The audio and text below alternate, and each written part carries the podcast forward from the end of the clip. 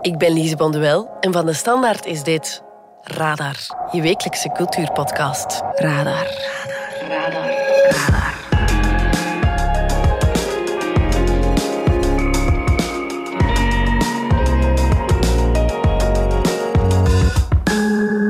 Ja, ja, na twee weken zijn we terug. Maar hou je vast, want we gaan weer op vakantie. Dat is goed nieuws, denk ik dan. Fasten your seatbelts, want jij en ik gaan naar Venetië. Cultuurredacteur Geert van der Speten is er ook voor de 59ste Biennale van Venetië. Zo'n beetje de Olympische Spelen van de kunst. En voor het eerst wordt heel het event gedomineerd door vrouwen. Als dat geen dubbelgoed nieuws is.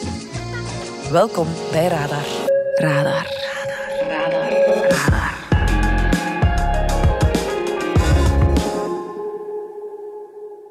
Geert, gelukzak. Jij bevindt je momenteel in het zonovergoten Venetië voor de 59ste Biennale. Hoe is het daar? Ja, uitstekend. Uh, heel druk ook. Door corona is een jaar uitgesteld. Normaal gezien uh, is het om de twee jaar dat uh, een biennale plaatsvindt. in afwisseling met de architectuurbiennale. Corona is hier wel nog wat zichtbaar in die zin dat er ja? grotere voorzichtigheid is. Mondmaskers zijn nog verplicht in de musea in tegenstelling tot uh, bij ons. En um, ja, je ziet dat iedereen zich keurig aan die regels houdt en, uh, en, voorzichtig is. Maar wat ik een beetje gevreesd had, namelijk dat het echt aanschuiven zou zijn en beperkte toegang tot de paviljoenen en de locaties, dat is niet het geval. Het, okay. verloopt vrij vlot. Dat is wel tof. Ja, en deze editie is in zekere zin wel opmerkelijk, hè? want je zou kunnen zeggen dat het daar een en al girl power is. Wel, het valt op dat, dat er een expliciet standpunt is ingenomen, in die zin dat 213 kunstenaars geselecteerd zijn en dat daarvan 85% vrouwen zijn. Oké. Okay. Dus de vrouwelijke verbeelding is aan de macht dit jaar. Dat is goed nieuws. Ja. en uh, je ziet dat op twee fronten eigenlijk uh, aan bod komen. In de eerste instantie in de Giardini, daar is de hoofdtentoonstelling ook historisch een beetje uitgebreid aanwezig. En dan heb je het tweede deel in de Arsenale. Mm -hmm. Dat is een voormalige touwslagerij van de Venetiaanse vloot. En uh, daar speelt het meer experimentele gedeelte zich af. En daar staat ook de, de monumentale kunst, ja. echt de, de, grote, grote stukken. Mm -hmm. En wat waren de keuze eigenlijk voor uh, 85% vrouwen? Well, je, je, zou kunnen zeggen, iets in the air. We maken het al een hele tijd mee dat er een inhaalbeweging is voor vrouwen. Terecht uh, ja. in de kunstselecties, in de collecties van musea, uh, zoals die getoond worden. De eerste stap daarvoor is al jaren geleden gezet door Tate Modern, die beslisten om 50% van hun collectie aan uh, vrouwelijke kunstenaars te wijden. Mm -hmm. Maar dit gaat dus een, een, stap verder. Het is een, een, duidelijk statement, denk ik. Ja, en de curator van dit jaar is ook een vrouw, Cecilia Alemati. I was, uh, I was completely shocked. Completely shocked, dat was haar reactie toen ze gevraagd werd om de biennale te hosten. Ja, Cecilia Alemani is een Italiaanse, maar die werkt al jarenlang, ik denk tien jaar in New York, mm -hmm. voor de Highline. As we like to say, a museum without walls and without ceilings. De Highline is een wandelparcours in New York op een vroegere spoorlijn die zich ja, ongeveer ja. 10 meter boven de grond bevindt. Juist. The Highline has a physical space and that's what we use as a big stage. En daar staan ook kunstwerken op die uh, de voorbije tien jaar door haar geselecteerd zijn. Hier heeft zij ja, dus ruim 200 kunstenaars geselecteerd, vaak met nieuw werk. My first goal is to be able to bring artworks and artists and make them shine and make them have an amazing platform through which they can say or they can express what they want. I also want them to to be able to to have a great experience and really bring their best artwork ever. Het thema is The Milk of Dreams, komt uit een tekst van Leonora Carrington, ja? die zelf een surrealistische kunstenares is. De jongste tijd steeds meer in de belangstelling staat. En daardoor speelt die hoofdtentoonstelling, die die titel draagt, zich een beetje af tussen droom en, en nachtmerrie, tussen uh, droom en verbeelding. Er zitten ook wat zij noemt tijdscapsules tussen, die uh, wat historische context uh, duiden. Bijvoorbeeld, er is een, een, een, afdeling gewijd aan de cyborg, de mechanische mens, de geschiedenis van de mechanische mens die het transformeert, zou je het kunnen noemen. En uh, ja, dat, daar komt ook een heel uh, historisch gedeelte bij aan bod. Ja. Verder vind ik dat de, deze uh, selectie vooral gaat over het hybride. Metamorfoses, transformaties. Veel over lichamelijkheid ook. Uitgesproken vrouwelijke lichamelijkheid. En daarnaast is er ook een heel hoofdstuk gewijd aan die uncanny, de nachtmerrie, mhm. het, het spookachtige. En dat zal dan zeker met de tijdgeest te maken hebben, denk ik. Ja, en die tijdsgeest, dan hebben we het natuurlijk onder andere over corona. En die corona-impact schijnt ook wel door in de kunst, zegt Cecilia. I noticed that artists are going back to also a more intimate or intimistic uh, medium. Like I've seen a lot of more discreet uh, objects, so like drawings or paintings, more diaristic practices rather than the wow big sculptures that we would see. There is still the people that made the wow sculptures can still afford to make the wow sculptures but i think there is maybe maybe a more generative um, process about looking inwards and and just create also art that is more like a reflection of the time that we live in. Ja veel van de werken zijn ook een reactie op wereldproblematieken hè? Mm -hmm. Ja, je, je verwijst ongetwijfeld naar Rusland-Oekraïne op ja. dit moment. Uh, dat is uiteraard aanwezig. Niet zo echt uh, uitgesproken, maar wel als een, als een statement. Het uh, Russisch paviljoen is dicht. En het paviljoen van Oekraïne, daar is wel iets te zien. Een installatie, een vrij sober installatie van de kunstenaar Pavlo Makov. Hij is zelf niet aanwezig, want niet in een, uh, in een, boodschap weten dat het moreel onmogelijk is op dit moment voor hem om het land te verlaten. It would be morally impossible for me to run away from my house because this would destroy all my previous creative life and just life as a person. Maar zijn werk is wel uh, meegenomen in de koffer van de auto van de curator die de tentoonstelling voorbereid heeft. Zij was wel aanwezig in Venetië. Het is een, een heel sober werk en het heet de Fontein van de Uitputting. Je ziet water dat van boven naar beneden steeds verder uitgesplitst wordt door trechters. 72 trechters in, in totaal. En steeds wordt dat straaltje dat uit die trechters komt uh, dunner. En helemaal onmachtig op het einde. En dat is wat Makov ook wil tonen. Ja, dat komt wel binnen eigenlijk. Het is een tegendeel van wat we van een fontein verwachten, namelijk dat die kracht en macht uitstraalt. Hier is het juist het ondermijnen van de macht. En het is ook niet moeilijk om dat dan om de link te leggen naar de situatie in Rusland. Uh, de mhm. Russische houding op dit moment van macht en machtsvertoon wordt hier een beetje te kijken gezet. Ja. Daarnaast zijn er ook nog last minute twee uh, solidariteitsacties op gang gekomen. Hmm. Er is een, uh, een extra tentoonstelling bijgekomen in de Giardini, dus de, tussen de nationale paviljoenen. Piazza Ucraina heet die. Op heel korte tijd in elkaar gebokst dan heb je ook nog een uh, kunstencentrum in uh, uit Kiev, het Pinchuk Art Center van uh, de Oekraïense verzamelaar Victor Pinchuk. Die normaal gezien om de twee jaar een prijs uitreiken in Venetië, de Future Generation Prize. En die hebben nu in de plaats daarvan een tentoonstelling opgezet, een solidariteitstentoonstelling met bekende namen zoals Damien Hirst, Marina Abramovic ja. en tal van anderen. Ja, het is ook niet de eerste keer dat werken een soort van reactie zijn op zaken die gaande zijn in de wereld. Ja, je hebt dat inderdaad wel, wel vaker. En de Biennale eh, voelt zichzelf graag zo'n beetje een seismograaf van wat er zich afspeelt in, in de wereld. Uh, bij een, vorige editie in 2019 was er een opmerkelijk werk uh, van Christophe Buchel, een Zwitserse kunstenaar en, en, curator. En die had een boot waar ehm, eh, een groep vluchtelingen mee gekapseist was. Dus echt een, een wrak van een boot. Gewoon geëxposeerd eh, in Venetië. Het was iets wat toen wel veel ophef maakte, want de vraag was natuurlijk, is het ethisch om zoiets uh, te tonen? Er was, was heel wat ophef, maar tegelijkertijd stond het vluchtelingenthema daarmee ook heel prominent op de kaart van, uh, van de Biennale. Ja,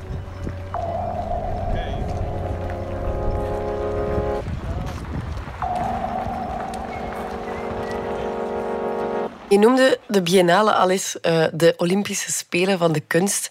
Voelt het daar ook zo? Zijn, zijn alle toppers daar aanwezig? Ja, je hebt, je hebt twee delen. Dus je hebt het, het, officiële gedeelte en daarnaast zijn er nog veel evenementen die in de rand daarvan georganiseerd worden. En daar zijn de kleppers uh, goed vertegenwoordigd. Ik noem er een paar. Uh, Marlene Dumas in mm -hmm. het Palazzo Grassi van de Franse verzamelaar François Pinault. Anselm Kiefer in het Dogenpaleis, toch wel de ereplek in Venetië ja, een heel rijtje van, van bekende namen passeren er. Mhm. En uh, ja, daarnaast heb je de selectie van de, van de landen, dus in de, in de biennale en ook daarbuiten, uh, een kunstenaar uh, afvaardigen. Ja, en wie sturen wij eigenlijk als België? België doet het afwisselend, dus om de twee jaar, om de vier jaar moet ik zeggen, is het de beurt aan de Vlaamse gemeenschap en om de vier jaar aan Wallonie-Brussel. Mhm. Nu was het Vlaanderen, die hadden een oproep gedaan om projecten in te dienen. En eentje daarvan was de uh, Mexicaans-Belgische kunstenaar Francis Alice, die al jarenlang in Mexico woont. Ja. Zijn, zijn, echte naam is eigenlijk Francis de Smet. En, ja, uh, klinkt heel Vlaams, hè? Hij is, ja, hij is een, een, heel internationale figuur. Hij, is, hij wordt echt op handen gedragen door de kunstwereld. De belangstelling voor zijn bijdrage aan het Belgisch paviljoen is zeer groot, heb ik al kunnen constateren. Ja, en heb je hem ook gesproken? Zeker. Oké, okay, thanks a lot. You're welcome. Ik zag hem uh, pas toen zijn tentoonstelling helemaal klaar was. Apparently this is the day to see all... Yes, uh, it's empty now. It's empty, yeah. Het is een hele vlotte prater, sympathieke man. Uitgesproken figuur ook. Hè. Hij neemt altijd uh, geëngageerde standpunten in. Maar uh, wat hij hier nu toont is een beetje, zou je kunnen zeggen, een, een deel van zijn uh, work in progress en uh, magnum opus Children's Games heet het.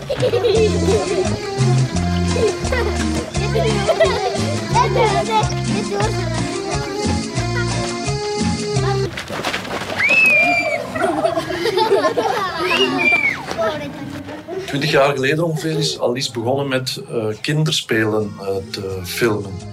En Ja? hij deed dat niet zomaar, maar gewoon omdat hij vaak werd uitgenodigd voor tentoonstellingen en dan door de stad wandelde en ja, botste op kinderen die aan het spelen waren. I started it as a sort of um, easy way of making contact with a place, a community. Uh, Vaak ook in, in probleemgebieden of in conflictzones of grenszones, in moeilijke omstandigheden. when I would be invited to film in uh, places like uh, Afghanistan, where a Belgian living in Mexico has got absolutely no relevance whatsoever to me. I mean, uh, you know, my, my presence is uh, anything but uh, justified. Um, and, and filming children was an easy way to making contact and understanding very quickly the, the local cultural codes. Dan zie je dat, eh, constateerde hij dat kinderen toch aan het spelen waren en, en een beetje een parallele wereld opzochten om eh, de miserie rond zich te vergeten. And a lot of the places where the, the games were filmed are, are harsh places. Eh? The one in, uh, I mean, uh, what's happening today in, in Afghanistan is is, is terrible. Uh, you know, the, way they've been rightly or wrongly abandoned by the international community uh, as soon as the Taliban stepped in. Ja. Uh, En eh, wat vond je van zijn stuk daar, van Children's Games? Heb je het al gezien? Ja, het is eh, een gloednieuwe versie. In die zin, hij heeft het al een paar keer getoond, onder andere ook in Brussel, in Amsterdam. Maar het is dus een work in progress. Hij heeft er ondertussen al 30 gefilmd en de recentste zijn er dus nu bij. Eh, waaronder drie eh, afleveringen in Congo. Oeh, ja. Behoorlijk spectaculair eh, video die erbij zit. Speelt zich af in een kobaltmijn. En daar zie je een groepje jongens, ja, ik schat ze tussen 5 en 10 jaar, met een autoband de heuvel optrekken. Helemaal op het einde kruipt een van die jongens in, in die band en laat zich helemaal naar beneden rollen als een soort van rollercoaster. Zie je hem dan de berg afdaveren met spectaculair resultaat.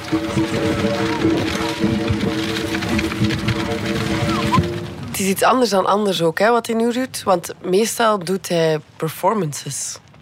Ja, hij is eigenlijk een, eh, een wandelaar. Deel van zijn eh uivre bestaat uit wandelingen waar hij kleine interventies doet, kleine, kleine acties. En zelf zag hij ook een, een beetje een parallel met wat, wat kinderen doen bij hun, hun spelletjes, namelijk hun eigen spelregels bepalen en daar niet van, van afwijken. The rules are never spoken, but they're very clear. It's, or, or in another way of saying it is, uh, it, it's crystal clear when you're stepping out of the rules of the game. Hmm. They, they'd say, oh, no, no, no, this you can't do. En zo tot, tot een beetje een ja, poëtisch resultaat te komen dat ook licht absurd is. Een voorbeeld, um, een van zijn vroege werken was dat hij met een ijsklomp door uh, de stad Mexico trok. Terwijl die langzaam smolt, duurde ongeveer zes uur. Een moment van extreme vertraging zou je het kunnen noemen, maar ondertussen Ja. zien we in die film ook de hele stad uh, passeren, de hele uh, biotoop wat, waar zo'n stad rijk aan is eigenlijk. Ja.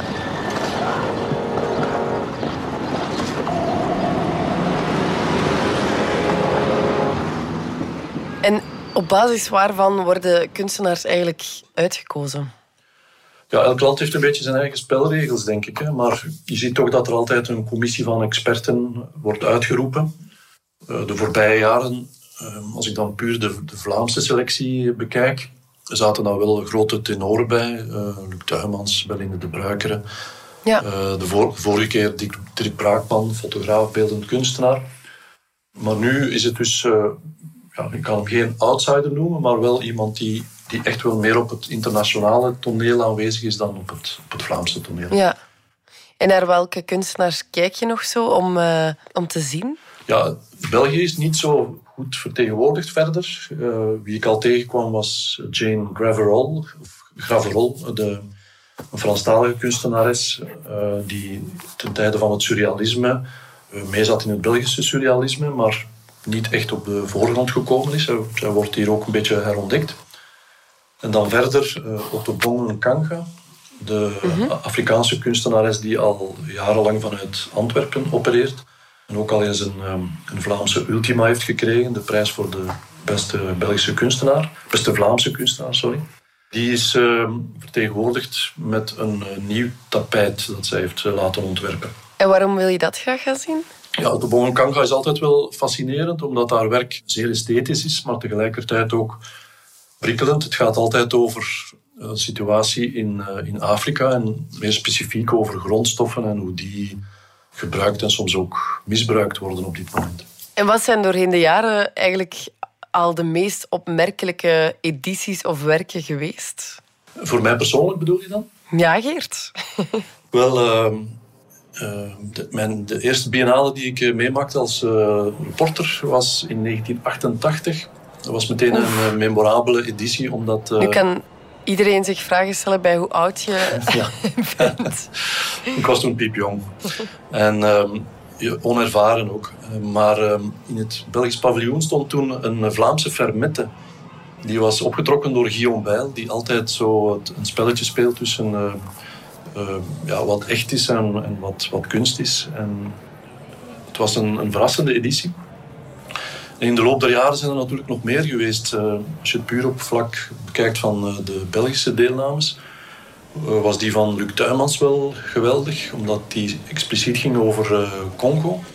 Mm -hmm. En de rol van koning Boudewijn daar, een bekend schilderij van hem, was Bwana Kitoko met koning Boudewijn in een, in een uniform.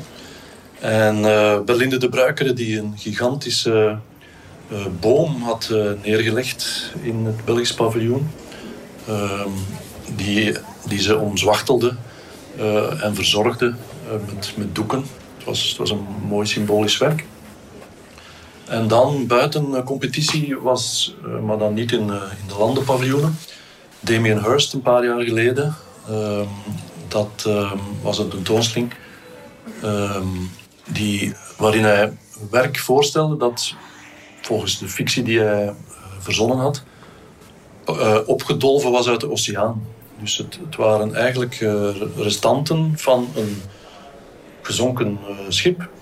Ja. Met daarop allemaal kunstschatten. Maar als puntje bij paaltje komen waren die natuurlijk allemaal door Damien Hirst zelf, zelf gemaakt. Ja. En zo, zo, bouwde hij een hele fictieve wereld op, waarbij je ja, tot in de puntjes kon, kon volgen hoe hij dat klaargestoomd had. Ja. The collection is about belief. And in a way, my belief in art is like a belief in God. Zelfs met een onderwatervideo bij van het opdelven van de schatten op de zeebodem.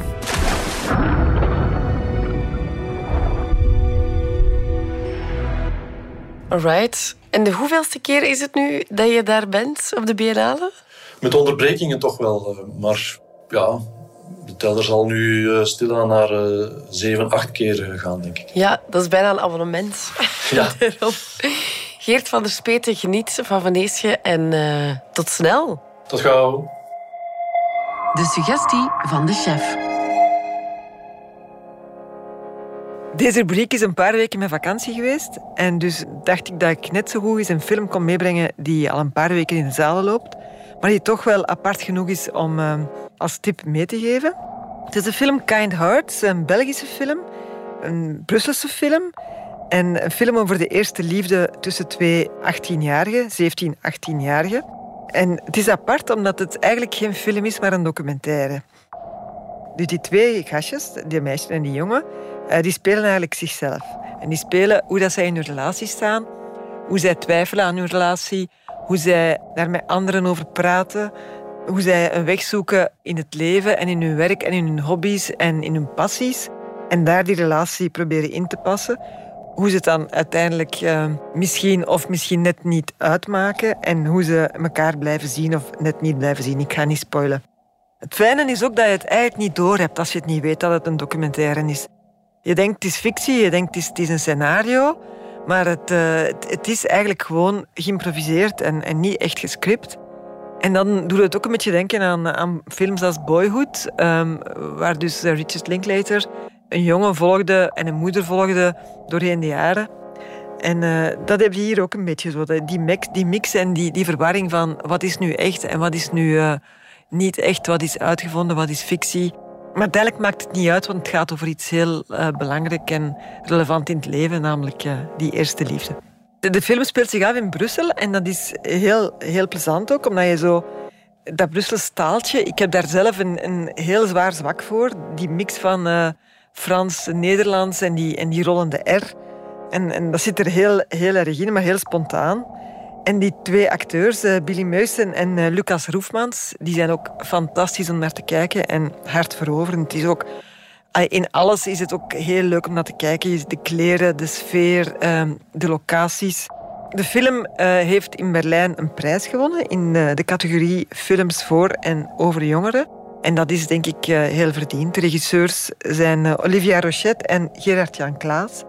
En ja, die hebben dat echt wel verdiend, vind ik. Dus ik zou er zeker gaan naar kijken. Radar. Radar. Dit was Radar, de wekelijkse cultuurpodcast van de Standaard. Bedankt voor het luisteren. Volgende week zijn we er opnieuw. Radar bundelt ook cultuurtips in de Standaard Weekblad en in de nieuwsapp van de Standaard. Luister zeker ook naar onze nieuwspodcast Vandaag, uw dagelijkse nieuwsverhaal in 20 minuten. En ken je DS Podcast al, de nieuwe podcast-app van de Standaard? Daar luister je niet alleen naar onze journalistieke reeksen, je krijgt ook elke week een eigenhandige selectie van onze redacteurs en je vindt er ook al je persoonlijke favorieten. Download de app nu gratis.